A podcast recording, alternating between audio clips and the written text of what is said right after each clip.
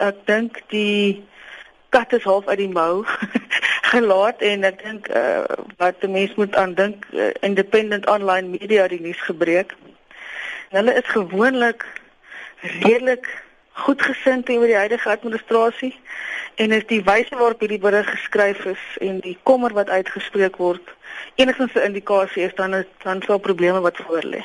So ehm um, jy het gesê die kat is nou die mou uitgelaat maar gaan die kat in die hoenderhok losgelaat raak. Dit is nou die ding. Die lyk my die fokus op die stadium wat in die ronde gaan is minister Mutambi van kommunikasie wat daar geskuif gaan word energie toe en dan is daar ook spekulasie oor minister Nene se toekoms wat ook nie baie goed lyk nie.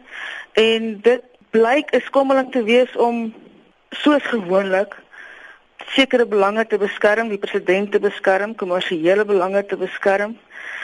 En ek het steeds die gevoel die loyaliste word beskerm president Zuma se en dan dat die politieke magsbasis in sy guns gebalanseer moet word 'n mens wonder net oor die keuses. Hy bedoel hy beloof altyd dat hierdie skommelinge wat nou al vele van was positief moet wees ten opsigte van hoe die land regeer gaan word. En uh, die, probleem is dat mense sien nie die goeie gevolge nie wat hy beloof nie.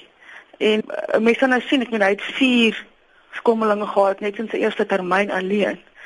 En dit wat beplan word volgens hierdie berigte blyk weer eens nie vir ons baie goed te wees nie. Daar's baie kritiek teen minister Mutambi vir haar uh, hantering van SABC byvoorbeeld en om haar nou energie toe te skuif blyk nou 'n rede te wees om die Motsoeneng en Gupta alliansie te beskerm.